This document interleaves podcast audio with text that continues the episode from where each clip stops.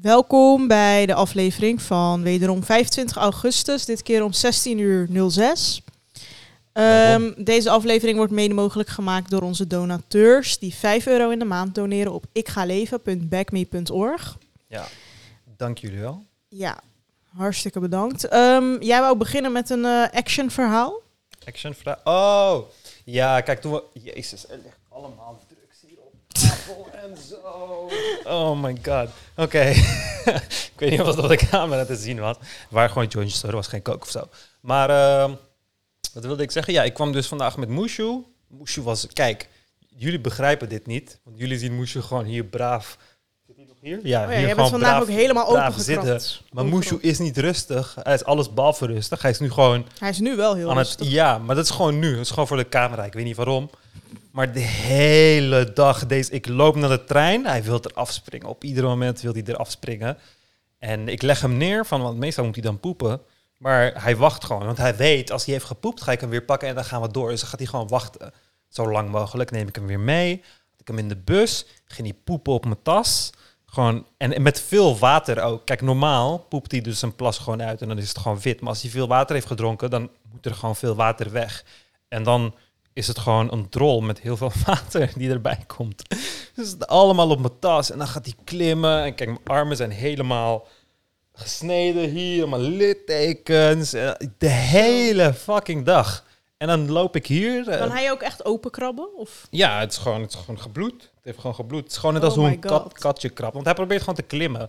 En ja, huid is niet echt chille materie om op te klimmen. Vooral niet met scherpe nagels. Dus ehm, ja, en ik was al laat. Want ik had die SD-kaart. Ik zocht die micro SD-kaart van het ding voor de opnames. En ik kon niet vinden. De hele kamer overhoop gehaald. Uiteindelijk toen ik hier aankwam, lag hij in mijn tas. Maar goed, dat is gewoon Nee. kwelling van ADHD. Maar ik wilde dus een SD-kaartje halen. En eh, ik ging eh, hier in het winkelcentrum ging ik, eh, even kijken. En eh, toen zag ik ook de Pets Place. Toen dacht ik van, hé, hey, misschien kan ik hier eh, voedsel halen voor Mushu. Gewoon krekels of ins- springkanen of whatever. Dan kan ik hem ook voeren op camera. Is wel grappig. Los van dat ik niet met jou heb besproken dat ik een bakje levende insecten in je huis ga brengen. Ja, je hebt toch die wormen, dat zou ik net zeggen. Volgens mij genoeg ja, maar, ja, maar die grote springkanen, dat is gewoon leuker. Het is ook, is ook crispy en zo, weet je. Dat vindt hij Oké. lekker. Uh, maar ik ging naar die Pets Place en gelijk, ik vroeg het aan zo'n meisje, allemaal meiden die daar werken, en zegt, een paardengaam, mag ik hem? En dan wilden ze hem gelijk aaien en toen eh, gingen ze letterlijk door de winkel omroepen van de meisjes achterin van, yo, er is een paardengaam in de winkel. en alle meiden kwamen zo en eh, helemaal verliefd op Mushu, dit en dat. En eh, toen eh, heb ik ze het idee gegeven, want ze wilden een foto maken ervan. En toen heb ik het, idee, het idee gegeven, want ze zeiden van ja, en gisteren was er hier een groze, grijze roodstaart. En toen zei ik van ja, je moet gewoon een Polaroid nemen. En dan kun je gewoon foto's maken. Elke keer als iemand met een dier komt, als die, of als iemand een dier gekocht heeft. En dan maak je gewoon een muur van Polaroids. Van klanten met dieren en zo. Dat uh, vonden ze heel leuk. Maar uh, ik, ik vertelde toen over uh, of, of ik ergens een SD-kaart kon vinden. En toen gingen ze me sturen naar een winkel ergens. Maar toen vroegen ze waarom. En toen vertelde ik over de podcast en het uh, wereldberoemd is. en de mascotte van de show is. Dus ze gaan naar de podcast kijken. Dus als jullie kijken, ja. Welkom. ja. Toen ging je naar de Action voor de SD-kaart. Ja, heb ik die SD-kaart gehad. Toen kwam ik er hier achter dat die in mijn tas zat. Want uh, ja, ik had mijn hele kamer overhoop gehad voor die SD-kaart. Want ik wist, hij moet hier ergens liggen.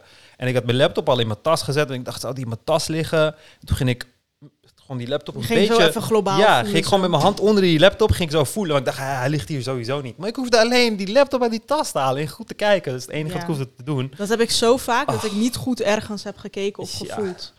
En dan blijkt het toch daar te zitten. Ja, ik raak dingen echt... Uh, tenminste, ik, als ik het zelf ergens heb gezet, dan herinner ik het wel. Maar heel vaak, uh, weet je, in, in, met ADHD heb je gewoon georganiseerde chaos, als het ware. Want je wilt dat dingen in, gewoon onder ogen is. Dus ik heb altijd geleerd van, om mijn ADHD een beetje te... Want ik heb heel vaak onafgemaakte projecten en zo. Mm. En ik heb altijd geleerd dat kasten of kisten of dozen... dat is heel slecht voor ADHD. Want als je het niet kan zien, dan vergeet je het, zeg maar. Dus ik had altijd ja. van die open, open kasten, gewoon zo'n kast. Ja. En dan leg ik alles... Ik vergeet het, het ook altijd. Ja, leg ik alles gewoon op, zodat ik het kan zien. Ik, ik zie het gewoon, het is daar. Het ligt niet ergens in een kast of zo. Maar op de een of andere manier is in de menselijke psyche van... je moet gewoon een kast hebben en daarin alles proppen. En ja, want dan is het netjes. Als het, als het, als het een puinhoop is in de kast, maar niet buiten is het netjes of zo. Terwijl ik heb gewoon op kast heb ik gewoon, eh, weet je, kabels en whatever, je, je, alle, alle dingen die je nodig hebt. En dan als ik er naar blijf kijken, dan weet ik van, oh ja, daar was ik mee bezig. Daar ga ik nu even we- weer mee door en zo. Ja. Dus je moet gewoon die trucjes kennen. Maar ja, mensen vinden dat, normale mensen vinden dat allemaal eh, heel chaotisch.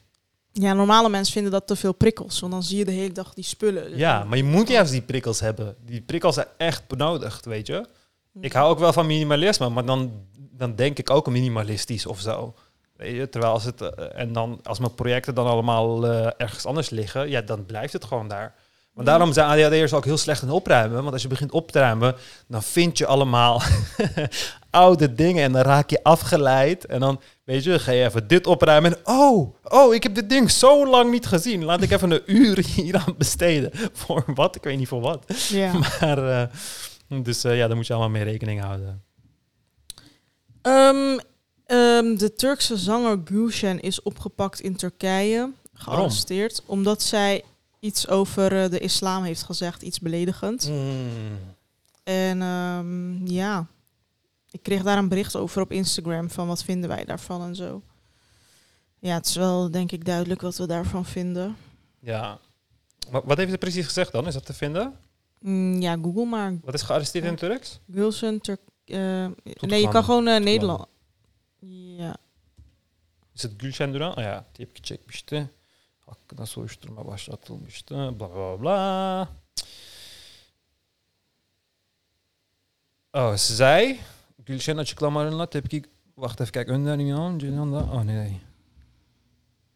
Ze zei iets van. ehm, Over de im- Imam Hatipler of zo. Ja, ze zei van eh, alle, alle perversiteit komt van eh, de Imam Hatip scholen. Zo is dat vertaald naar het Nederlands. Ik had net een Nederlands artikel gelezen. En eh, daarmee, dat, dus voor de Nederlanders, dat betekent alle slechte dingen van islamitische scholen komen alleen maar slechte dingen voort. Zoiets heeft zij gezegd. Ja, ik kan de exacte woorden niet echt... eh, En ze is pro-LGBTQ. Oh ja. En die vlag heeft ze laten zien. Sapıklığı İmam Hatip'te okumuş olmasından geliyor. Ja, ehm, ja, ze kwam dus met een eh, gay vlag eh, op, eh, op het podium en ze zei van als je als je als je je hierdoor ehm, als je je bedreigd voelt door deze vlag, ga dan weg. En dat dat, soort idiote gedachtegoed eh, afkomstig is uit de Imam Hatip scholen, wat dan religieuze scholen zijn. Ehm, dus ja, en ze heeft gelijk hoor. Die, die scholen staan in Turkije zeg maar bekend. Kijk, net zoals je in, in, het, in het Westen, eh, als je denkt aan, ehm, als je dendt aan, Bijbelbeltscholen of zo. ja, als je denkt aan christelijke dingen, dan denk je gewoon aan kindermisbruik. Weet je, ik bedoel, dat is gewoon waar je aan denkt. Het Vaticaan heeft ook jaarlijks, eh, even kijken, ik wil het wel vinden, eh, Vatican Child Abuse Budget of zo. Wat was het ook alweer? Ja, dus het Vaticaan heeft eh, een jaarlijks budget van 3,36 miljoen euro voor de sex abuse cases. Ze hebben dat gewoon opgenomen in het, in In het beleid. Van, Ja. ja. ja, dus daar denk je aan. Maar exact hetzelfde gebeurt ook in, eh, in, in eh, Turkse eh, islamitische scholen. En daar gebeurt voor alles. Je hebt ook eh, schandalen gehad dat ze dan een imam nikah doen. Dus eh, als je seks wilt hebben in de islam, dan moet je niet alleen getrouwd zijn, maar je ook religieus getrouwd zijn. Dus een imam moet je getrouwd zijn. Maar omdat je in die scholen leert om een imam te zijn, kunnen die mensen gewoon elkaar trouwen. En dan kunnen Mhm. ze even ballen en dan kunnen ze elkaar weer scheiden. Ja. Dus allemaal dat soort dingen. En eh, eh, ja, gewoon heel veel van de, van de ja, achterlijke gedachtegoed is gewoon eh, daarvan afkomstig. Maar ja, dat mag je allemaal niet zeggen. Want eh, ja, en mensen weten dat ook niet. Hè? Dus eh, wat er ook in Turkije is gebeurd, is dat heel veel leraren en hoofden van universiteiten, bijna allemaal eigenlijk, zijn een aantal jaar geleden ontslagen en vervangen met mensen die afkomstig zijn van die religieuze scholen. Je hebt de grootste idioten die nu als, ehm, als, als, als eh, decaan of als rector of weet ik veel wat werken. Je, je had bijvoorbeeld vorig jaar had, had iemand, was volgens mij eh Boğaz Universiteit, Universiteit, de Bosporus Universiteit in Turkije, die had een nieuwe, zo'n islamitische, dus de oude president werd eh, ontslagen en die had een islamitische president gekregen en alle studenten waren daarvoor aan het protesteren. Het werd afhandig, eh, hardhandig werd dat gestopt. En toen had hij een hele statement geschreven op Twitter. Gewoon zo'n plaatje van een brief, zeg maar. En toen ging iedereen de spelfouten erin verbeteren. Want er zaten zoveel spelfouten in, Turkse Mhm. spelfouten. Dus al die leraren die dan Turks geven en dat soort dingen...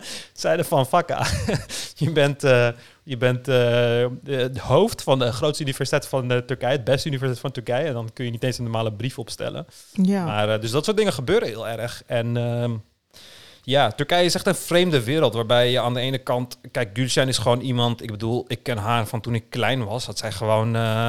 ik bedoel, alle, alle seksuele muziekvideo's die open en bloot zijn en zo... die heb ik allemaal van Turkije gekend. En Gülşen was sowieso iemand die eh daar tegen pushte. Heel vrij en dat soort dingen. En eh, dus het is die kant van de maatschappij versus de... Ja, de, de, de, de, heel conservatieve? de conservatieve, de religieuze. Dus die strijd heb je altijd in Turkije. Ja, het is echt kut. Ja, ik ben benieuwd naar de volgende verkiezingen. Dat eh, komt er bijna aan. En je Ja. mij ook zo'n food inflation tabel gestuurd met Turkey helemaal bovenaan. Ja. Dat was ook weer. eh, eh, maar waarom? ehm, ja, kijk, ik heb me er dus niet in verdiept. Maar wat is precies de reden dat je in Turkije om de maand inflatie hebt? Het is gewoon niet normaal. Ja, het, het, het geld wordt gewoon steeds mi- minder waard. Kijk, eh, Ding heeft ook een... ehm, Maar is dat gewoon door het beleid of waar komt dat door? Nee, kijk, Erdogan heeft gewoon een idioot eh, idee dat, ehm, dat ehm, eh, rentes niet werken. Dat je rentes niet moet verhogen. Kijk, over het algemeen ga je rentes verhogen wanneer zoiets gebeurt. Zodat meer mensen geld op spaarrekeningen zetten. Mhm. Zodat je economie weer stabiel wordt, als het ware. Zodat banken weer geld op kas hebben.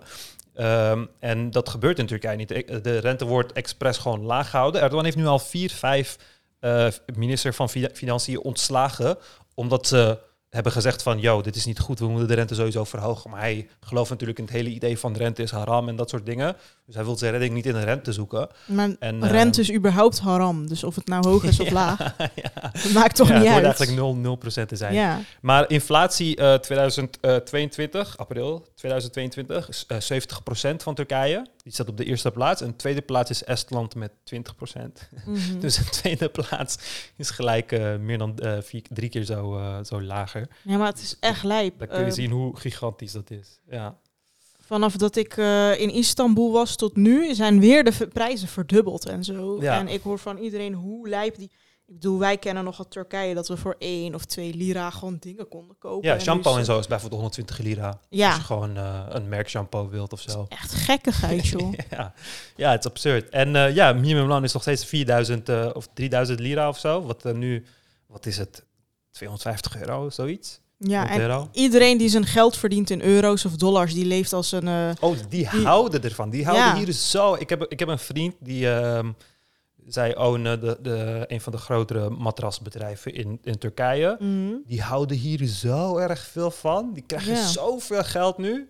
Het is echt, het is echt fucking absurd. ja. Want alles wat in Turkije wordt geproduceerd, wat je voor euro's kan verkopen, wat je kan exporteren, maakt je gewoon fucking rijk. ja. Maakt je ongelooflijk rijk. Want je moet je voorstellen, de minimumloon is van 50 euro. Je kan mensen voor je laten werken. Fulltime. Als Turken, niet als Nederlanders. Dat Ja. ze gaan klagen over AOW of weet ik veel wat allemaal. Nee. Wat te zwaar is dat je niet mag tillen. Nee, Turkse, Turkse werkpaarden voor 250 euro in de maand.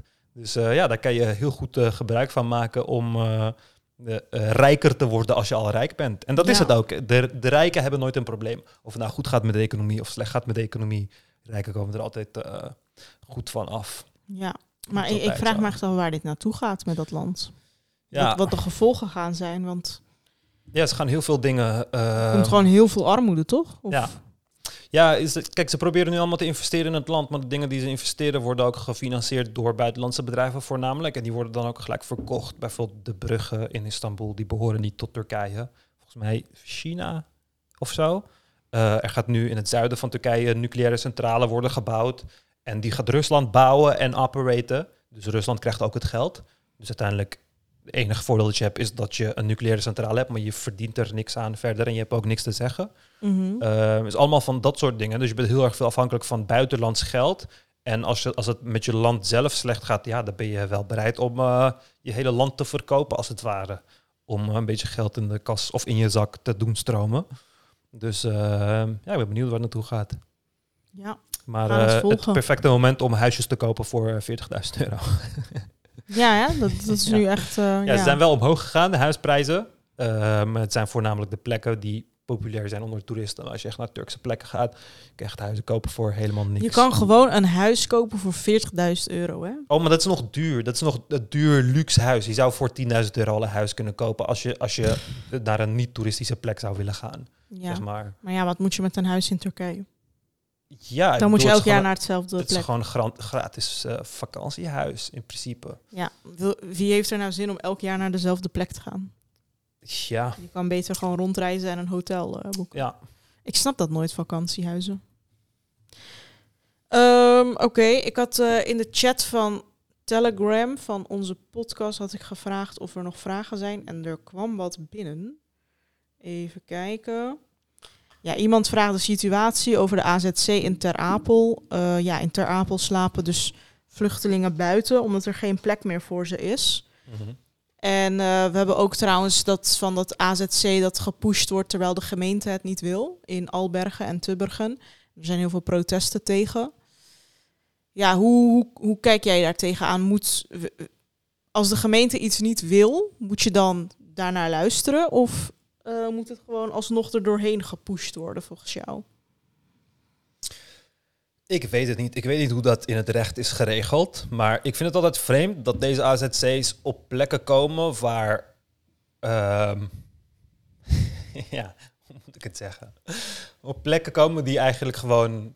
Ja, Niet ervoor openstaan? niet. Niet heel erg veel ervaring hebben met culturele, multiculturele Ja, het de plekken zijn waar de ruimte voor is. Je, je kan niet Ja. in Amsterdam een AZC neerzetten. Ja, maar eigenlijk, ik zou, ik zou eh, de provincie Flevoland zou ik wel als een goede locatie zien voor heel veel AZC's. Want je hebt heel veel ruimte, echt enorm Mhm. veel ruimte. Ik bedoel, Flevoland is voornamelijk gewoon een landbouwplek. En eh, qua, qua ehm, huisvesting en zo valt het ook wel mee. Het is vrij makkelijk om een huis te vinden rondom Lelystad en dat soort dingen. Dus dat lijkt me een wat logischere, logischere keuze. Maar kijk, uiteraard, ik denk dat je op zoek moet gaan naar plekken waar je de minste wrijving gaat veroorzaken. Alhoewel ik ook, wel van overtuigd ben dat die mensen gewoon eh, die aan het klagen zijn, ja, het eigenlijk wel moeten aanleren, zeg maar. Want ik, ik zag vrij. Eh, Ik zag vrij extreme, extreme racistische dingen langskomen, zeg maar. Extreme harteloze dingen langskomen, zeg maar. Die ik eh, Ja, niet maar- echt zag bij de eh Oekraïnische vluchtelingencrisis. Dus ehm, Weet je wat het is? Dat is maar een kleine groep uiteindelijk. De grote groep zegt gewoon van we willen het gewoon niet. ja, Want het is onze gemeente, het is een veilige gemeente. Nu komt er een hotel met eh, 300, 400, eh, weet je wel, mannen voornamelijk. Jonge mannen, geile mannen. Eh, mijn dochter kan niet meer op straat. Ik snap ze maar wel. is dat, is dat zo? Zijn het grootste deel van die vluchtelingen? ja, die dat is volgens mij ook gewoon een feit dat de grootste deel zijn geen gezinnen of vrouwen. Het zijn voornamelijk mannen.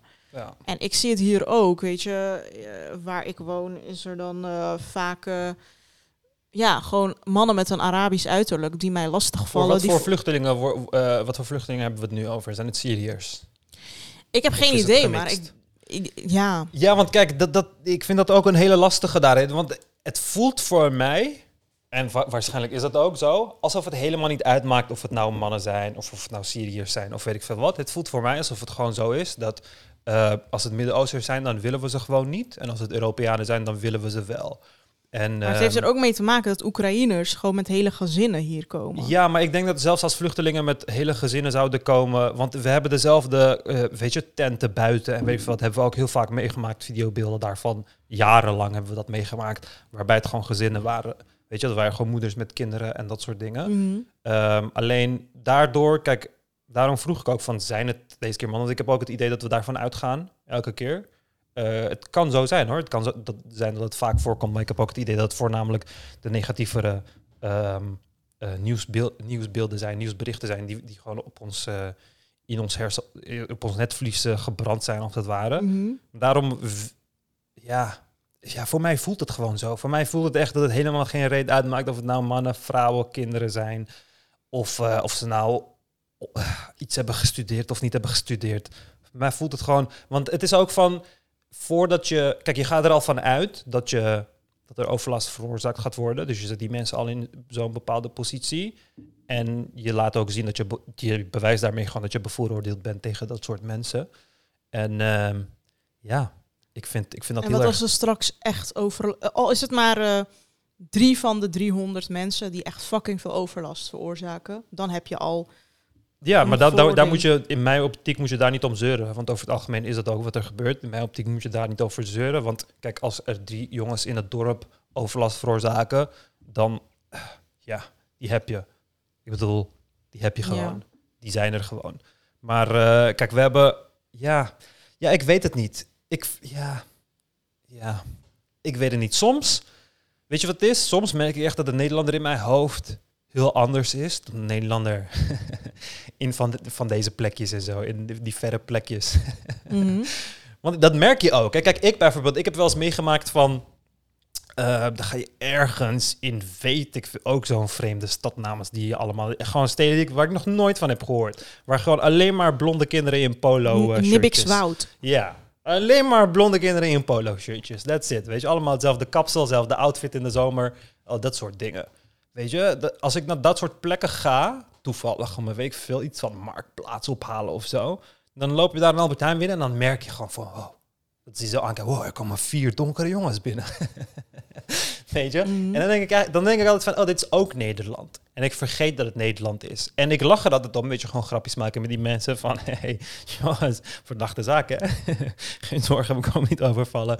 Weet je, gewoon grapjes maken. Maar het- omdat ik het niet serieus neem, want ze zijn gewoon dom. Ze hebben gewoon geen ervaring met dat soort dingen. En ze hebben gewoon het nieuws gevolgd. En ze denken, oh shit, deze jongens gaan sowieso iets stelen of zo. Weet je? Dus dan heb ik er gewoon medelijden mee. Dan kijk ik er niet boos naar. Maar het is heel lastig eh, om dan te bedenken van... hé, hey, wat is daarvoor de oplossing? Kijk, eigenlijk vanuit een soort van sociologische positie... zou een asielzoekerscentrum in zo'n buurt heel goed zijn voor be- beide kanten. Omdat je dan zeg maar leert van elkaar van... hey, deze mensen bestaan ook en jullie zijn heel erg tegen elkaar. Of ik denk, ik denk dat die asielzoekers eigenlijk helemaal niet boeit wie de fuck om hun heen woont. Die willen gewoon een plek om eh, te slapen. Eh, dat het vanuit dat opzicht wel kan helpen, maar die mensen staan daar ook niet open voor. Het is gelijk van, oh nee, asielzoekerscentrum, dat schreeuwt gewoon om problemen. En zo zit het ook in ons hoofd, hè. Hoeveel, hoeveel positieve verhalen heb je van asielzoekerscentrums in je hoofd? Exact nul. Maar de reden daarvoor is niet omdat er geen positieve dingen gebeuren in asielzoekerscentrums. Het is gewoon omdat het geen nieuws is. Het is het gewoon. Maar je hebt, ik kan jou garanderen dat je mensen hebt die tien jaar geleden in een asielzoekerscentrum werkten en nu allemaal mooie verhalen hebben van, oh ja, kijk, deze Mhm. ken ik van tien jaar geleden en die heeft nu dit en dit en dit gedaan. Dus die hebben een veel betere kijk op de realiteit. Tuurlijk gebeuren die slechte dingen ook, wil ik best gebeuren, g- geloven. Dat is ook zo. Maar ik, ik geloof ook dat we als society, voornamelijk door eh, eh, nieuwsgeving en dat soort dingen, alleen maar eh, voorbeelden in ons hoofd hebben van negatieve dingen. En dat is gewoon de kracht die speelt in dat soort mensen. Het is pure xenofobie. Al die protesten van nee, nee, nee, nee, is pure xenofobie. Dat is gewoon, het is gewoon de, de- de- definitie van xenofobie. Maar nou, eh, waar ik heel, heel veel moeite mee heb, is dat we gewoon een huizentekort hebben die zijn weerga niet kent. Eh, ik had laatst in de podcast van Jort Kelder gehoord, is het grootste tekort in de geschiedenis qua huizentekort. En er komen maar nieuwe mensen binnen. ja, maar en die mensen kunnen geen koophuis betalen. Dus het is allemaal die strijd om die paar sociale huurwoningen die we hebben. En dan willen ze ook nog allemaal in de Randstad, omdat ze daar het meeste werk hebben. ja. Voor Hoe wil je dat? Dat snap ik dus niet. Er is al een huizentekort. Waarom haal je nog mensen binnen? Of ja, maar die huizentekort is alleen in de grote steden, toch? Ik bedoel, je kan nog steeds gewoon een huis vinden van twee ton in de uithoeken in de postcode 9000 ja, maar daar is er geen werk of wil niemand wonen of weet ik veel wat. Ja, maar zorg dat dan. Zorg voor die verspreiding, zou ik zeggen. Weet je, want ik bedoel, ja, als je een situatie hebt gekweekt Ja, maar waardoor... moet je daar even voor zorgen? Het is gewoon, ja, maar je moet toch er gewoon voor zorgen. We hebben, toch, we, hebben toch, we hebben toch... Kijk, we hebben toch ook gezorgd voor de huizencrisis. Ik bedoel, we hebben ook gezorgd voor al deze fouten. Dus dan kunnen we ook zorgen voor goede dingen, vind ik. Ik bedoel, wij zijn... Ja, maar dan moet je eerst daarvoor zorgen. Dan moet je mensen binnenhalen. Ja, maar we gaan er niet voor zorgen. Want het is niet dat wij vanuit. Kijk, het is niet dat wij dit probleem aanpakken van. Oh, hoe gaan wij dit goed aanpakken? Het is gewoon van. Oh, hoe kunnen we dit even snel afraffelen? Zo slecht mogelijk. En het is exact dezelfde fouten die ze destijds hebben gemaakt met onze ouders. Van. Oh, laten we al deze mensen zetten in arbeiderswijken en dat soort dingen. Maar dat is niet wat je moet doen. Kijk, als al die mensen. eh, eh, met z'n allen migreren naar de Randstad, dan moet je ervoor zorgen dat het niet gebeurt. Dan moet je werkgelegenheid vinden voor die mensen. Dan moet je, weet ik veel, woonwijken opzetten, eh, nieuwe woonwijken opzetten, waar je een mix van Ja, maar dat, dat burgers en gebeurt dat dus soort ook dingen. niet. Want er Ja, maar dan moet je het doen, want als je het niet Maar doet... er- het, het kan soms ook gewoon niet door de stikstof, door de weet ik veel wat, door het tekort, eh, andere beleidsplannen. Over elke meter die er in Nederland is, is al een plan voor de komende 50 jaar. Ja, maar kijk, ik, ik vind het... Kijk, het zijn best valide punten om te hebben tegen dit. Maar ik merk heel erg dus dat die valide punten alleen maar gelden wanneer het om Midden-Oosterse vluchtelingen gaan. Dus daarom denk ik ook dat het aan de basis ligt dat het Midden-Oosterse vluchtelingen zijn. Maar omdat we dat niet willen roepen... Dat wil, kijk, niemand heeft... Kijk, de grootste deel van migranten die naar Nederland komen zijn Oost-Europeanen. Het zijn Oost-Europeanen. Dat is altijd al jarenlang is het grootste deel van migranten geweest. Zeurt iemand daarover? Nee, het zijn ook geen mensen die een koophuis kunnen betalen. Zijn ook geen mensen die een koophuis kunnen betalen. Zeurt iemand erover? Niemand zeurt erover als het gaat om de huizencrisis. Er is huizencrisis in de fucking Randstad. Weet je hoeveel nieuwe Amerikanen en Engelsen en Duitsers en Spanjaarden en Italianen er zijn komen wonen in de Randstad? Die mede eh, hebben eh, bijgedragen aan die huizencrisis. Mhm. Zeurt iemand erover? En waarom Nee, denk je dat dat zo is? niemand waarom denk je dat Omdat mensen je- daar niet over zeuren? Ja, maar dat, het, is toch, het is toch duidelijk. Nee, maar het is toch duidelijk. dus jij denkt dat mensen racistisch geboren zijn? Nee, ik geloof niet dat mensen racistisch geboren nee, zijn. mensen maar, maken dingen mee. maar ja, maar dat is bullshit. Want het is niet omdat mensen dingen hebben meegemaakt. Het is omdat mensen, omdat mensen voorbeelden in hun hoofd hebben. Die gewoon, het is toch gewoon, het is toch gewoon een bias. Het is toch gewoon availability heuristic. Het is van hoeveel voorbeelden jij in jouw hoofd kan nemen van dat zoiets is voorgekomen. Zo hoog acht je die risico. Maar jij bent nooit verkracht of, eh, eh, of, of weet ik veel, mishandeld of in elkaar geslagen door een fucking... eh, door een asielzoeker. Dat is niet bij jou gebeurd. Je hebt het op het nieuws gelezen. Maar al die positieve dingen over asielzoekers heb je niet gelezen. Weet je? En Maar da- waarom daar- maakt het nieuws geen ligt- nieuws over Oost-Europeanen die hetzelfde doen dan? Er, wordt, er wordt heel vaak nieuws daarover maar dan zou je ook daarover vooroordelen moeten hebben, toch? Ja, maar die zijn er toch ook dat ze te veel drinken en dat ze auto-ongelukken veroorzaken. En Ja, maar die zijn ook niet waar voor die mensen. Het is gewoon wat nieuws, wat nieuws nieuws maakt. Mhm. Weet je? Kijk, ik vind dat gewoon, ik vind dat gewoon heel lastig. Want kijk, ik behoor tot. Zullen we tellen tot hoeveel gestigmatiseerde groepen behoren? Of behoorden, die waar telkens dat soort claims over zijn gemaakt, weet je? Van moslims dit en Turken dat en allochtonen dat en Maar donkere jij- mensen dat. Denk jij dat als die mensen zich voorbeeldig gedragen, dat er ook maar één Nederlander is die zegt van, eh, je bent niet welkom hier of zo? Natuurlijk, absoluut. absoluut. Want die mensen hebben nog niks gedaan en ze zijn al zo. die mensen hebben nog niks gedaan. Ze zijn er nog niet eens. Je je- weet nog niet eens wie die mensen zijn. Wedden dat al die mensen die hebben geprotesteerd, hebben geen idee eh, wat, de, wat de spread is. Van welke land, welk land komen ze vandaan, wat is de gemiddelde leeftijd, zijn het mannen of vrouwen. Je hebt geen idee. Het is gewoon van midden, Midden-Oosterse asielzoekers. Nee, want Midden-Oosterse asiel, zelfs in mijn hoofd, ik weet beter. Ik weet beter, hè. Ik weet wat availability heuristics zijn. Ik weet wat confirmation bias is. Ik weet beter. Zelfs in mijn hoofd, als ik denk aan een Midden-Oosterse asielzoeker, denk ik aan problemen. Denk ik aan problemen. Terwijl in mijn ervaring met Midden-Oosterse asielzoekers heb ik die problemen niet. Weet je? En daar ligt het probleem. Dus als wij geconditioneerd zijn vanuit een samenleving om op zo'n manier na te denken, we weten toch dat het bestaat. Kom op. Kijk, ik, ik, ik eh, ontken absoluut niet dat die problemen er zijn. Maar we weten dat die problemen, dat we dezelfde ehm, voorbeelden kunnen maken met alle fucking bevolkingsgroepen. En we weten dat van de realiteit dat ook niks zegt. Ik bedoel, ik denk niet van mijn zwarte vrienden van, oh ja, jullie zijn sowieso crimineel. Of van mijn Nederlandse vrienden van, oh jullie zijn sowieso pedofiel. Weet je, dat denk ik niet. Maar dat is, wel wat, de, wat, dat is wel wat de maatschappij je laat denken. En ik vind dat gewoon fucking jammer. Ik vind het gewoon jammer dat je... Kijk, als er problemen zijn, wanneer die problemen er zijn, fuck, oké, ga protesteren. Je hebt, je hebt de bewijs. Zeg van, oké, dit en dit en dit is gebeurd. Hier willen, wij, eh, hier willen wij oplossingen voor. Maar wanneer jij zegt van, nee, wij willen het gelijk niet. We willen het gelijk niet. Dan, ga je, dan ben je gewoon bevooroordeeld. En dan ga je er al vanuit dat het fout gaat. En dat is gewoon een hele verkeerde manier.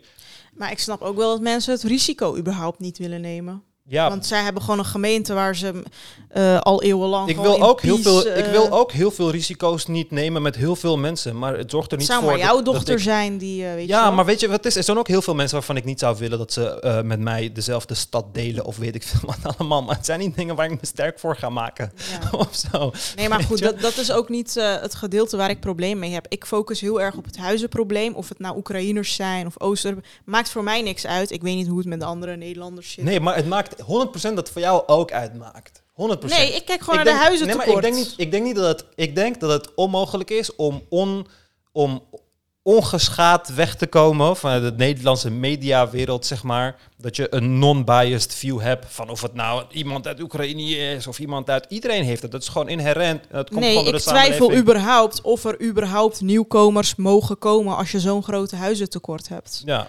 Wie het nou ook zijn. Kijk, nieuwkomers gaan we nooit, gaan we nooit tegenhouden. Dat, dat gaat gewoon nooit gebeuren. Weet je, dat Ja, gaat... maar je hebt geen huizen. Ja, maar Dan moet je ze eerst bouwen. Ja, ja, maar die huizen, ja, dit is echt die eigen grafgraven. Het is echt die eigen grafgraven. Huh? Weet je? Ja, maar het is, gewoon, het is gewoon Nederland die zijn eigen graf heeft gegraven door... Ja, ja, Nou, ik vraag me af hoe Nederland dit gaat oplossen. niet. Gaan niet oplossen. En dan over 50 jaar is het gewoon, maar hoe komt het dat deze mensen zo zijn geworden? Ja, hoe de fuck komt het? Hoe de fuck komt het, denk je? Ja. Wij staan trouwens op Podimo. Dat stuurde iemand mij. Ja, Hoe maar fuck, kan dat? Podimo is toch een betaald platform? Ja. Hey, ik wil daar wel geld voor, hoor. Onze podcast staat gewoon op, op Podimo. Wat je alleen achter een betaalmuur hebt. Dus mensen betalen gewoon. Maar ze hebben waarschijnlijk, omdat het aanbod waarschijnlijk te klein was op het platform. En omdat mensen dan ook moesten switchen naar Spotify om gratis podcasts te luisteren. Hebben ze waarschijnlijk al die gratis podcasts ook op Podimo gezet. Hm. Ja, ik denk dat dat ook dat is. Om het aanbod groter te laten lijken. Maar je- mogen ze dat gewoon? Ja, waarschijnlijk. Waarschijnlijk. Ja. Ik heb er liever wel geld voor gezien. Maar, eh, want ze vragen, er, het is een betaalde service, weet je, Ja. Podimo. Dus ja, maar ja. Ja, echt grappig. Er, iemand stuurde mij van ja, als, als jullie voortaan daarop gaan, dan ga ik alvast een abonnement nemen en zo. Ik zei nee, eh, niet Ja. dat ik weet. Ehm, even kijken. De andere ehm, vragen uit de chat zou ik nog. ehm Nick zei: Ik zou graag wat meer willen weten over het gebruik van de raw data om zelf een uitgebreidere DNA-analyse ja te dat doen. hebben we vorige aflevering gedaan. Oké. Dus daar hoef je geen uitleg over te geven. Nee, dat hebben we uitgelegd. Ik ben wel eens benieuwd naar Ummers ervaringen met psychedelica. Oh ja, maar dat gaan, dan kunnen we het hele aflevering mee vullen. Dat doen we echt een... want ja, moet ik één voor één alles... ja, oh, wil je daar misschien een cursus veel. over maken? echt, nee, ja, maar niet met mijn ervaringen of zo, nee. Maar we, ik ga niet... Ja, ja, ik vind dat een beetje lastig om... eh, Maar wil je dat dan de volgende keer doen? ja, ik kan wel vertellen over mijn ervaring, maar doe gewoon de volgende keer. Oké, en waarom kan je dat niet nu doen? Omdat, gewoon, omdat ik weet dat we de hele ervaring ermee gaan vullen. En dan, ja, kijk, weet je wat het is? Ik ben gewoon veel te fucking eerlijk. En eh, ik ga heel veel vertellen. En er zijn heel veel mensen die, kijk, jij kent mij meer dan mensen die het kijken of zo. Maar mensen die Mhm. het kijken, vooral als je nu begint met kijken, ja, dan. Weet je, één aflevering vertelt hij over zijn criminele verleden. Hij bouwt bommen. weet je? Andere afleveringen roept hij uit, eh, roept hij uit op eh, executie van mensen of zo. Weet je, dus dat, eh, ja, mijn ADHD gaat mij echt, brengt mij echt vaak in de problemen op dat gebied. Maar ehm, ja, ik wil, ik wil niet een hele aflevering vullen met, eh, met eh, welke drugs ik allemaal heb gebruikt en ehm, dat soort dingen. Maar we kunnen het wel een keer over hebben, maar dan gaan we het gewoon wijd, wat wijder doen. Oké. Mm, bla bla bla. Even kijken hoor. Volgens mij waren er geen andere vragen. Of, of dat de FBI express crack verspreidde in wijken met een gro- grote zwarte bevolking. Ja, Wat is dat? de CIA, niet de FBI volgens mij. Of is het de FBI? Oh, dat gaat nog steeds over drugs. Is dat... Ja, dat was eh, vroeger. Was het CIA of de FBI? Ik weet het niet meer. Maar ehm, die verspreidde crack inderdaad in zwarte buurten. Ook heroïne. En waarom deden ze dat? Om eh, die mensen te te laten gaan. ja. Wat is daar het eh, voordeel van dan? Niet, maar kijk, je moet, je, Nederlands, Nederlands, Amerikaanse FBI, CIA, ze hebben verschrikkelijk... In Amerika is heel vaak gebeurd dat politie, bij- bijvoorbeeld, of de, de regering, dat politie bijvoorbeeld een hele stratenblok eh, heeft laten doen exploderen. omdat ze ruzie hebben met mensen of zo, omdat mensen aan het protesteren zijn, hebben ze een hele stratenblok met C4 met de grond gelijk gemaakt. Ze hebben uit de helikopter bommen gegooid op gebouwen. Mm. ze, doen, ze hebben ehm, heel veel ehm eh, eh, coke eh, geïmporteerd. Ze hebben coke geïmporteerd vanuit Zuid-Europese landen, Zuid-Amerikaanse landen, om eh, de wapen, eh, eh, om wapens te bekostigen voor guerrilla-strijders in de Mhm. strijd met communisme en zo daar. Dus ja, de Amerikaanse regering heeft wel zijn. daarom hier, van deze dingen hou ik, want het klinkt als een complot, maar het is waar. Ja. Het is waar, het is echt complot, zeg maar.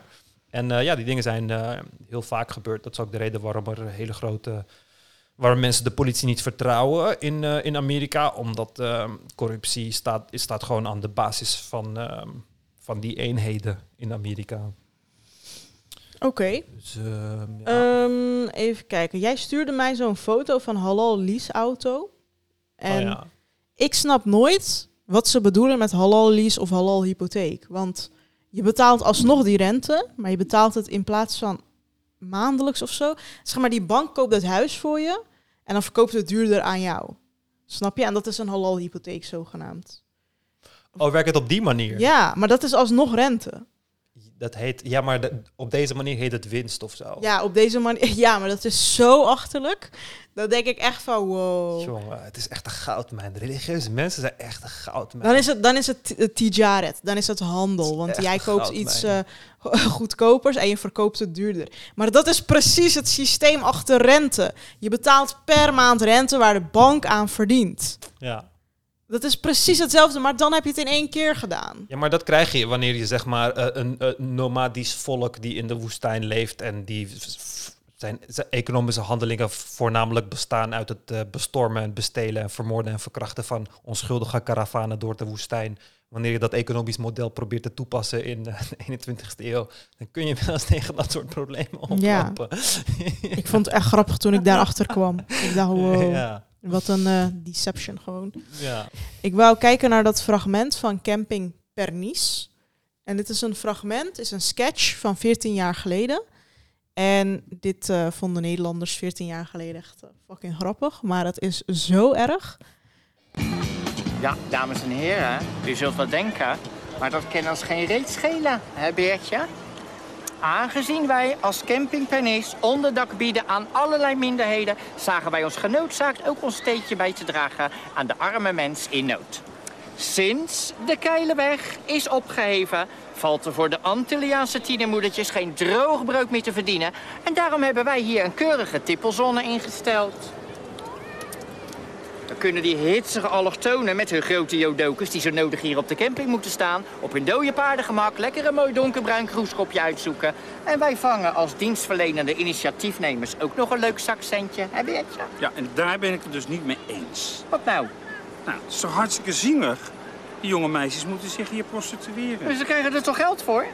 Ja, het zijn godverdomme kinderen. Nee, ze hebben kinderen. Ze zijn moeder. Ook nog bijstandsmoeder. Ze profiteren dus ook nog van ons. Ja, en dan haal jij nog een deel van de verdiensten af. Oh, luister nou met je kleine krentensterretje. Ik lever de locatie, ik verkoop de condooms, ik verstrek de methadon. Ze zijn al blij dat ze werk hebben. En bovendien, het leg in hun cultuur opgesloten. Alle Suris hebben bijvrouwen, alle moslims hebben een harem. Dus ik zie het probleem niet. Ik kom ze alleen maar tegemoet. Dominee Vissen, je bent gewoon een ordinaire pooier. Je ziet het weer zo zwart-wit. Je gaat niet de hele dag zo dwarslopen doen, hoor. Kom er maar mee. Gaan we de asielzoekers voeren. Kijk, dit wat je nu gaat zien, kan echt niet. Ik was echt in shock toen ik het zag. Dat dit gewoon nog op YouTube staat. Jongens, jullie zullen wel honger hebben, hè? Ze hebben namelijk een hele lange reis achter de rug en ze hebben weken niet gegeten. Kijk ze lekker tegen de hekken dringen. ja, kijk eens wat Freddy voor jullie heeft. Ja, lekker witte brood, hè? Moet je kijken, is lachen. Ja, pak het witte brood. Ja, dan komt er nog eentje.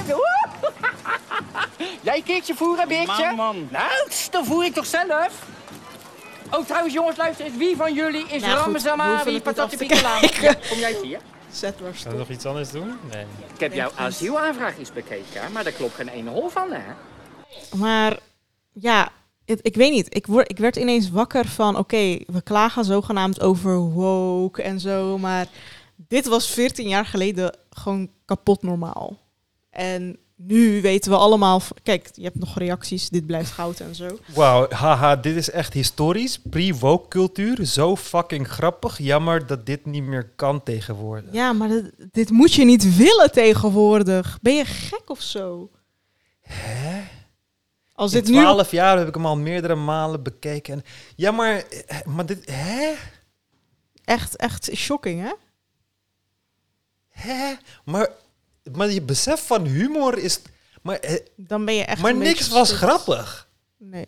Hè? Ik vond alleen het Rotterdamse accent grappig, maar dat is mijn dingetje.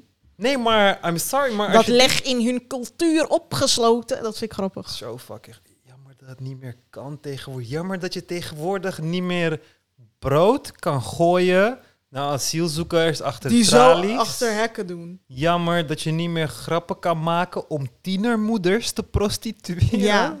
Die super jong zijn. Kijk, kijk, kijk, kijk. Kijk. Nederlandse, Nederlandse mensjes. Die hierop Kijk. reageren. ja. Kijk, ik hou echt, echt enorm van donkere humor. Echt enorm van donkere humor. Alleen donkere humor, het het, de, de lijn tussen donkere humor en je racistische tendens, eh, ehm, ja, voeren, ik weet het niet. Ik weet niet wat het is. Is echt heel, is echt heel, heel, heel, heel smal. En dat zien mensen op de een of andere manier niet of zo. Dit is niks van dit is humor, weet je? En vooral als je zwarte humor wilt gaan toepassen, dan hoort het vaak self-deprecating te zijn. Dus over jezelf te gaan, weet je? Want het is een soort van zelfhaathumor of zo. Ja, dus het hoort over Nederlanders te gaan. Ja, precies, exact. Maar om het over vluchtelingen en Antilliaanse tienermoeders te hebben.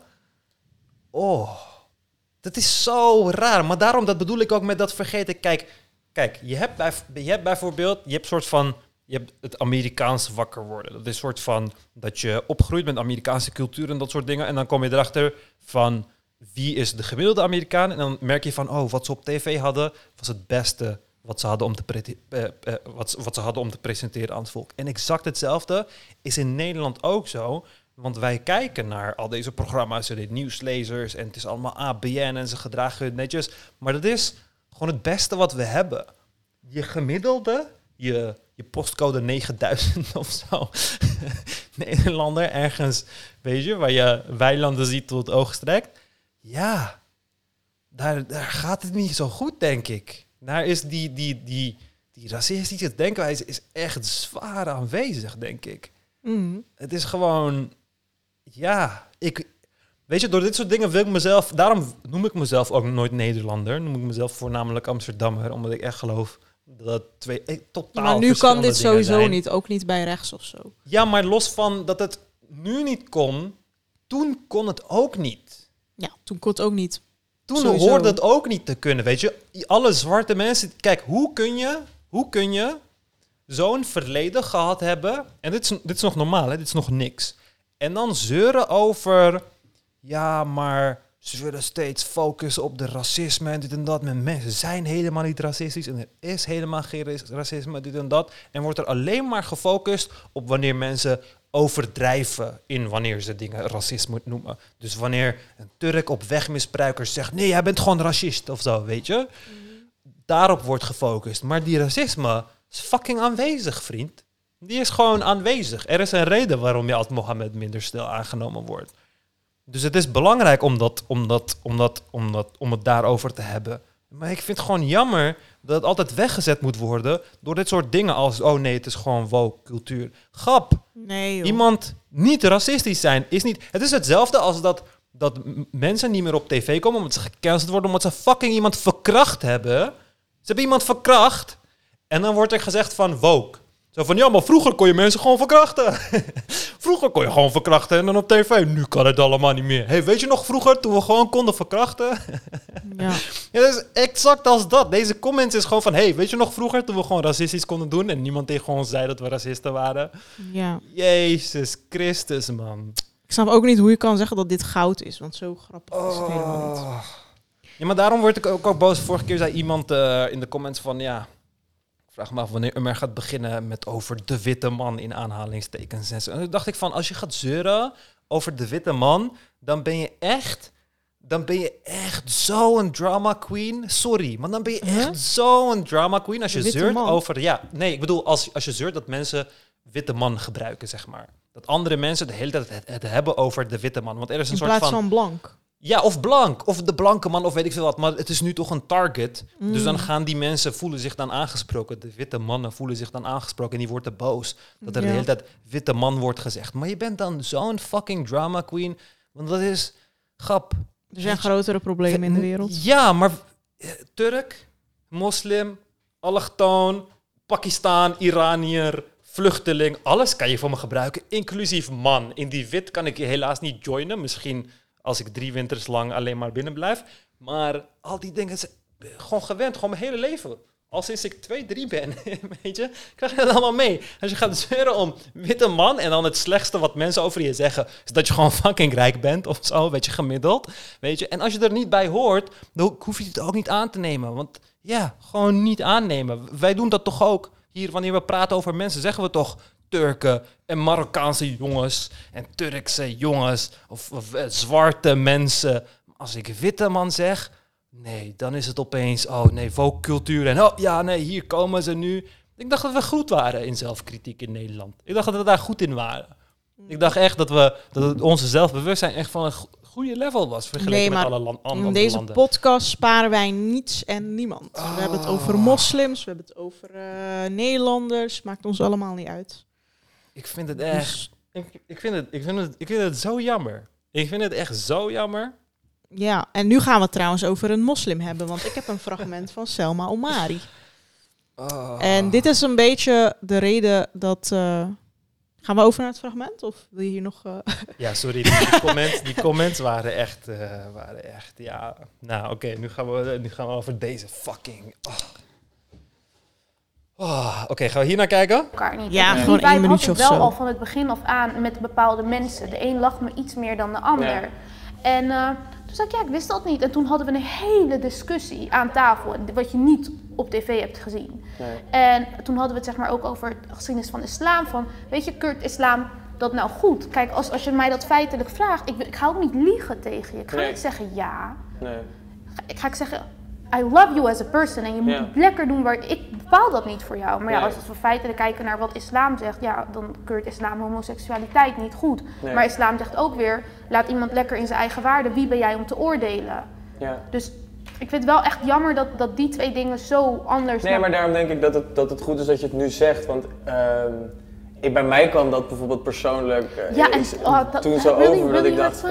Dat vind ik echt erg. Nee, maar meer van, ah liever nee. No, maar honestly, like, ik ben één niet zo opgevoed en twee, like, ik heb zoveel vrienden die zeg maar, ja, ik vind dat echt, echt heel erg. Ik zeg maar, mijn zus is zo, we zijn zo open opgevoed. Ik ben zonder vader opgegroeid en ik zou nooit iemand zeg maar willen Nee. die mij zou judgen. Dus ik zou het nooit in mijn leven terug willen doen. En ik vind het gewoon heel naar dat dat wel zo naar buiten is gekomen. Oké, stop maar. En dat bepaalde mensen daar toch wel een gevoel bij hebben gekregen. Ehm, Ik wou het hebben over haar uitspraak van islam keurt het niet goed, maar I love you as a person en ik judge niet en weet ik veel wat. Maar de islam zegt ook, laat mensen in hun eigen waarde.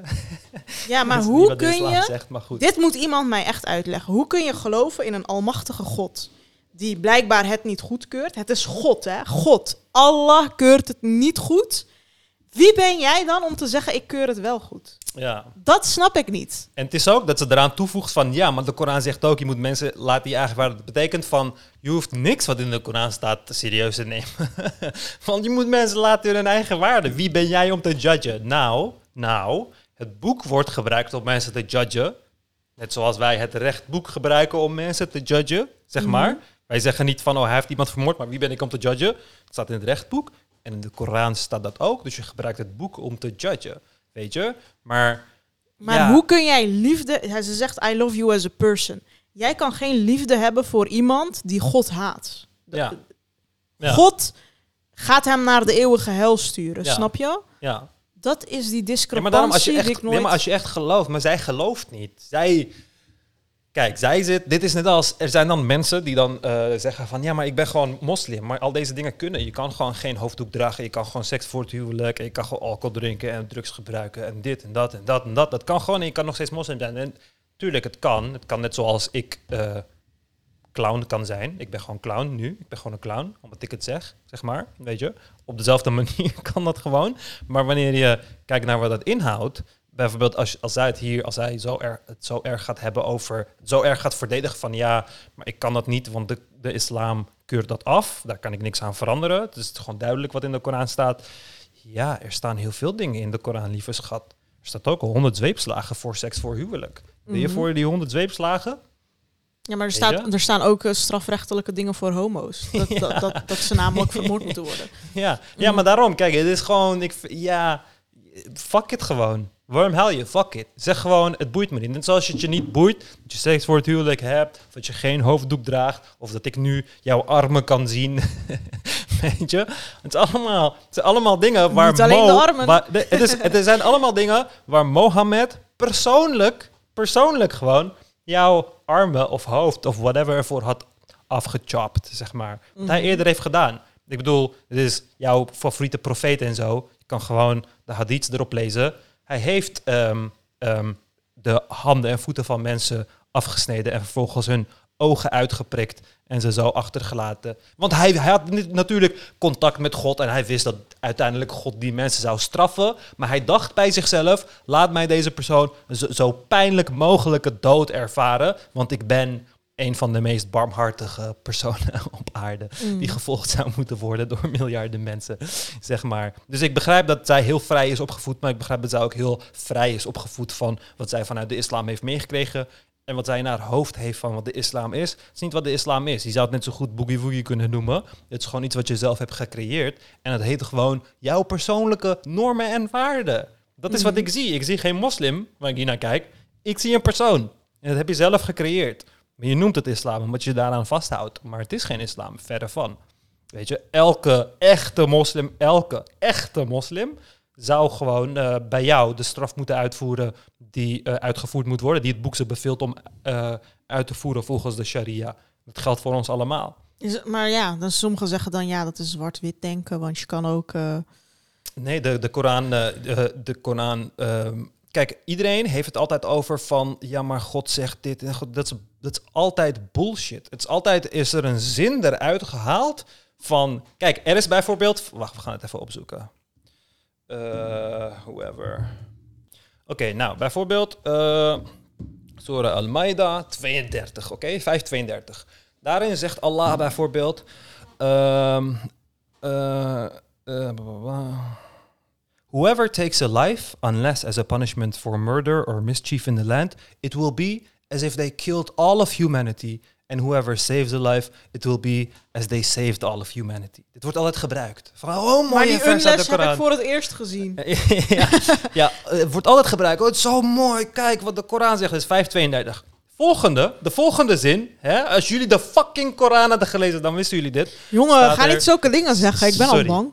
Staat er, staat er, indeed, the penalty for those who wage war against Allah and his messenger and spread mischief in the land is death, crucifixion, cutting off their hands and feet on opposite sides, exile from the land. This penalty is a disgrace for them in this world and they will suffer a tremendous punishment in the her- hereafter. Alsjeblieft, weet je? Altijd wordt dit laten zien. Oh nee, maar de Koran zegt... als je één persoon vermoordt, dan vermoord je iedereen. Maar de tweede zegt dat je fucking armen en voeten eraf moet snijden. Dat betekent dat je zo langzaam, dat je langzaam uit de bloed. Begrijp, begrijp je dat? De meest oppermachtige, barmhartige, genadevolle... dat zijn alle namen van Allah, hè? Allah, God, schepsel in het hele universum zegt tegen jou dat je iemand moet vermoorden, crucifyen of zijn voeten en handen eraf moet snijden. Klinkt dat logisch? Enigszins. Klinkt dat enigszins als een oppermachtig machtig wezen die, die de meest barmhartige en de genadevolle is? It does not, that does it. Ja. Ja. dus lieve schat, niet huilen. Niet huilen. Je, het enige wat jij hoeft te doen is diep in jezelf tasten. Kijk, je- zij, sowieso, dit is gewoon een garantie. Selma Omari gaat nooit, maar dan ook nooit, naar buiten toe vertellen dat ze geen moslim is. Want dat is de hele achterban. Weet je? Dus Mhm. dat kan, kan je gewoon niet doen. Als ze dat gaat doen, gaat ze duizend keer zoveel haat krijgen als dat ze nu al ontvangt. En dan gaat ze heel veel van haar fans verliezen, want die zijn ook nog steeds moslim. Dus ze gaat het nooit doen. Maar voor haarzelf zou ik er echt adviseren om diep in jezelf te graven en erachter te komen dat wat jij volgt is geen islam. Je volgt gewoon je eigen hart. En jouw eigen hart weet dat jij niks tegen homo's hebt. En nu clasht dat in jouw hoofd. Nu Mhm. clasht dat in jouw hoofd, want je hebt het islam genoemd en dat, daar zit een boek aan verbonden en iemand kan jou vertellen dat in het boek iets anders staat. Dus dat clasht in je hoofd. Dat is gewoon cognitieve dissonantie.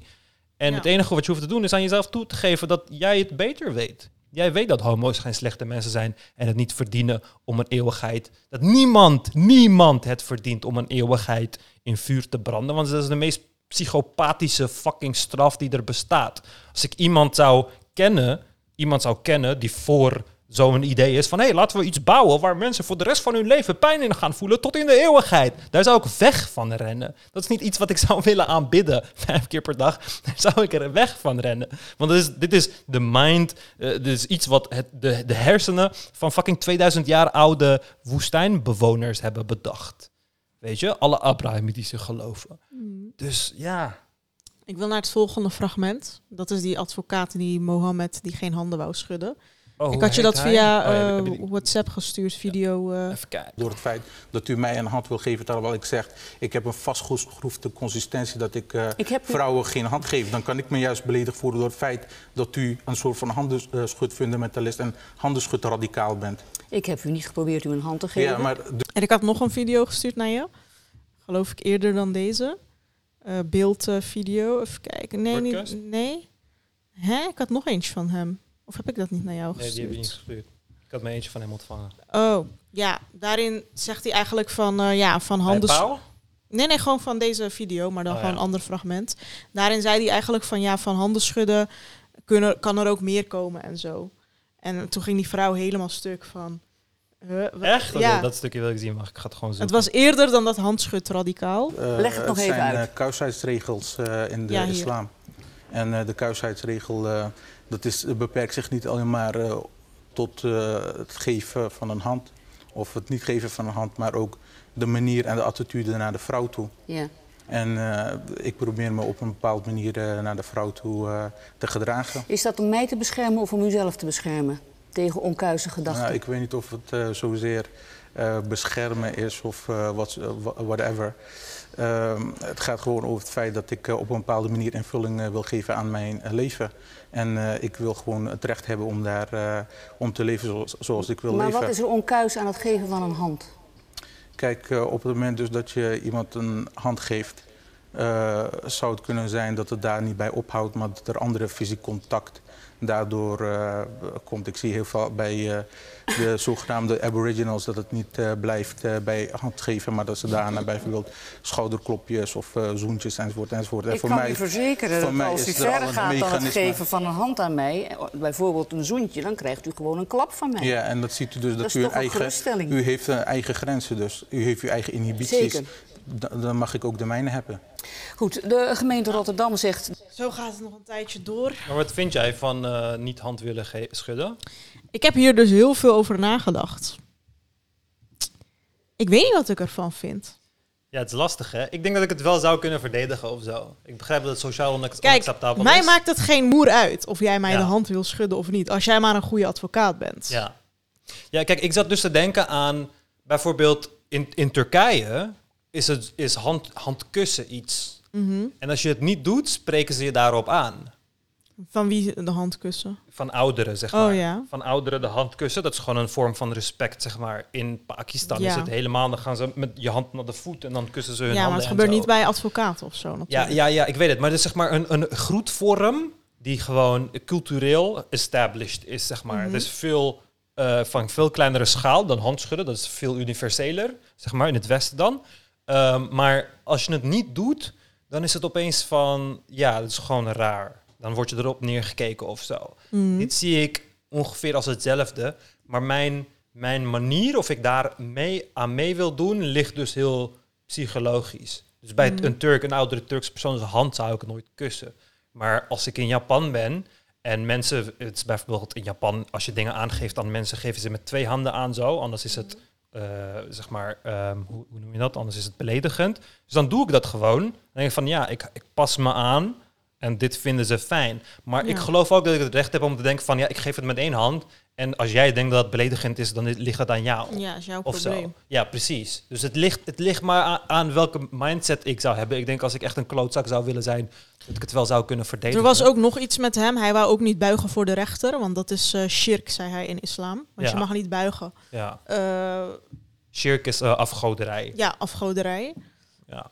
Ehm, ik weet Buigen niet. Voor, buigen voor rechters? Ja. Volgens, ja, blijkbaar wel. Wist ik ook niet. Ik vind dat best wel raar. Of groeten of buigen. Ik weet het even niet meer. Moet ik even best wel raar om te buigen voor een rechter, maar oké. Ja. Ja. En Ja. eh, je draagt natuurlijk ook neutrale toga. Ja. Eh, en hij doet dan ook gewoon zijn moslimmutsje op, zeg maar, en zo. Ja. Maar goed, ja, ik weet niet in hoeverre ik dit een probleem vind. Kijk, dat van die handen schudden zou mij echt niet boeien. Van mij mag je nog steeds advocaat blijven, weet je wel. Maar Ja. daar was dus eh, rechtbank Rotterdam vond dat discriminatie op basis van geslacht, omdat hij de mannelijke cliënten wel een hand gaf. En ehm, Mm, daar heb ik wel problemen mee. Daar heb ik wel problemen mee. Daar heb ik wel problemen mee, want dat is gewoon raar. Ja, dat is gewoon raar. Dat vind ik net zo raar als het gewoon er staan een rijtje mensen die je handen geeft. Want die zwarte geeft geen hand.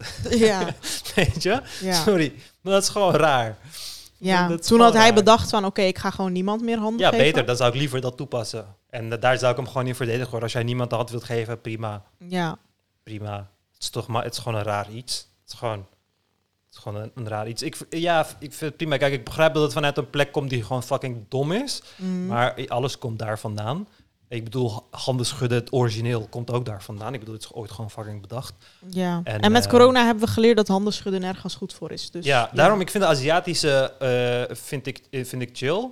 Alleen dat het, omdat het buigen is, vind ik het, ja, ik vind buigen gewoon een beetje raar. Mm. Maar het is gewoon, daar heb je zo het is niet echt buigen, contact. buigen. Het is gewoon zo, Ja. zo, weet je wel. Van rechter komt binnen, je doet even allemaal zo, geloof ik. Ja, nee, ik bedoel, in, Aziatisch, in Aziatische landen geef je elkaar niet de hand of zo, maar je buigt wel voor elkaar. Dat vind ik ook wel. Maar hun hebben ook zo weinig mogelijk fysiek contact op dat gebied, zeg maar. En die dingen neem je ook mee. Hè? Dus als je bijvoorbeeld een pandemie-model doet, dan neem je dat soort dingen mee. Dus het is deze cultuur, dus er is Mhm. deze vorm van eh, fysiek contact, dus dit is de verspreiding en zo.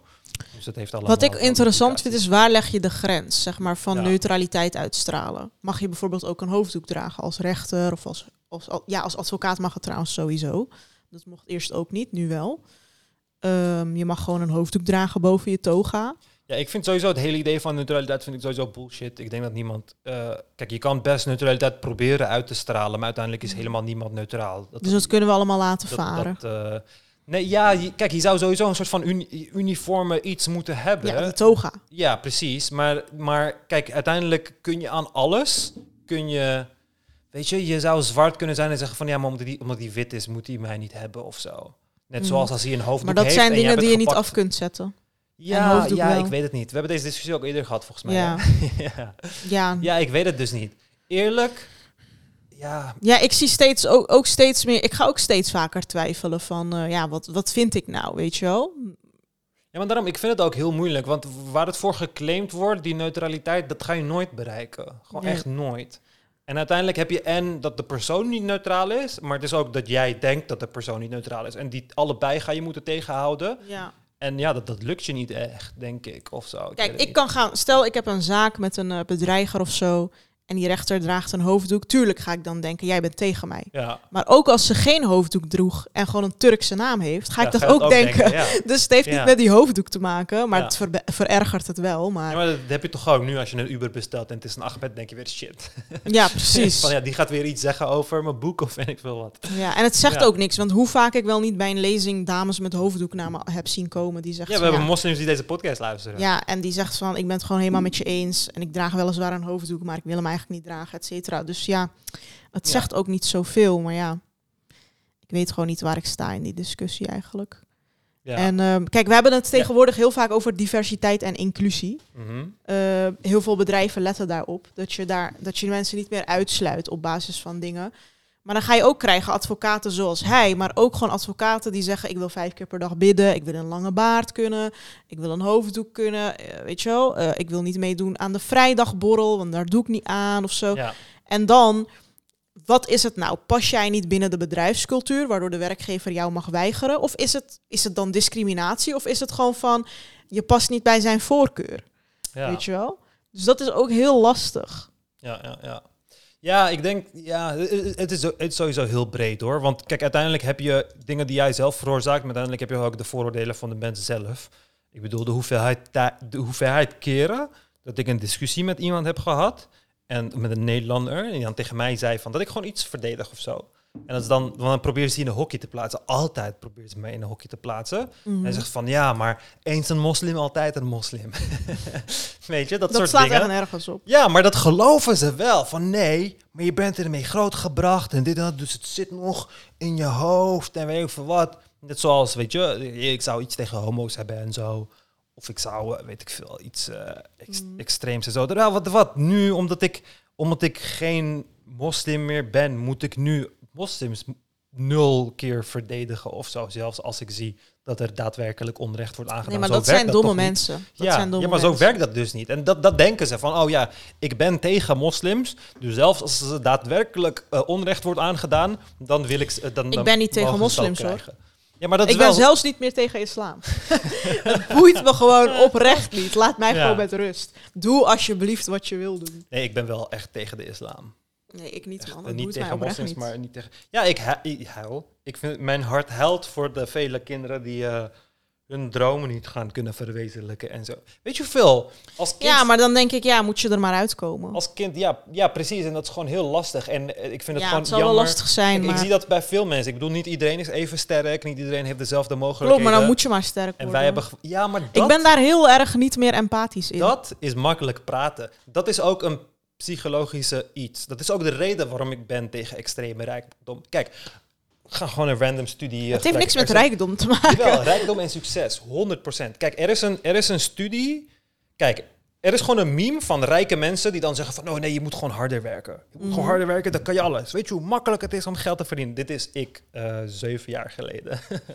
Moet- weet je hoe makkelijk het is om tegenwoordig geld te verdienen? En weet ik veel wat allemaal. En we moeten de belasting voor de rijken verminderen... want ze zorgen voor banen, ze- weet ik veel wat allemaal. Maar het is allemaal bullshit. Het is allemaal bullshit. Kijk, er is een heel bekend eh, psychologisch onderzoek... waarbij je gewoon een paar mensen neemt... en dan zet je Monopoly op tafel. En dan eh, zet je twee mensen tegen elkaar bijvoorbeeld, die tegen elkaar Monopoly gaan spelen. En dan doe je kop of munt. En de persoon die de kop of munt goed raadt, die krijgt twee keer zoveel van alles bij de Monopoly. Dus twee keer zoveel begingeld, twee keer zoveel geld als je over start gaat, twee keer zoveel, gewoon, je hebt gewoon een voordeel, als het Mhm. ware. En dan laat je ze spelen, laat je ze spelen. En de persoon die dat voordeel heeft gegeven, hij wint natuurlijk, overduidelijk. Maar hij begint zo arrogant te worden. Altijd arrogant te worden. Hij gaat expres harder met zijn dingen slaan op het bord zo. En die gaat Mhm. vertellen van, hoeveel kost het? 600? Oh ja. Zo.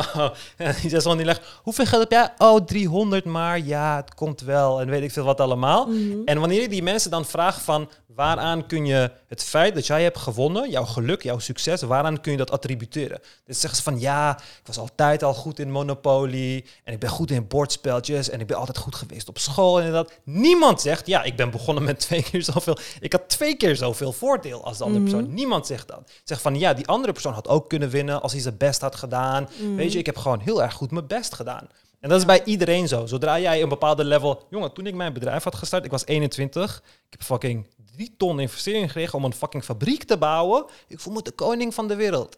En in alle discussies over armoede en weet ik veel wat, zei ik altijd van nee.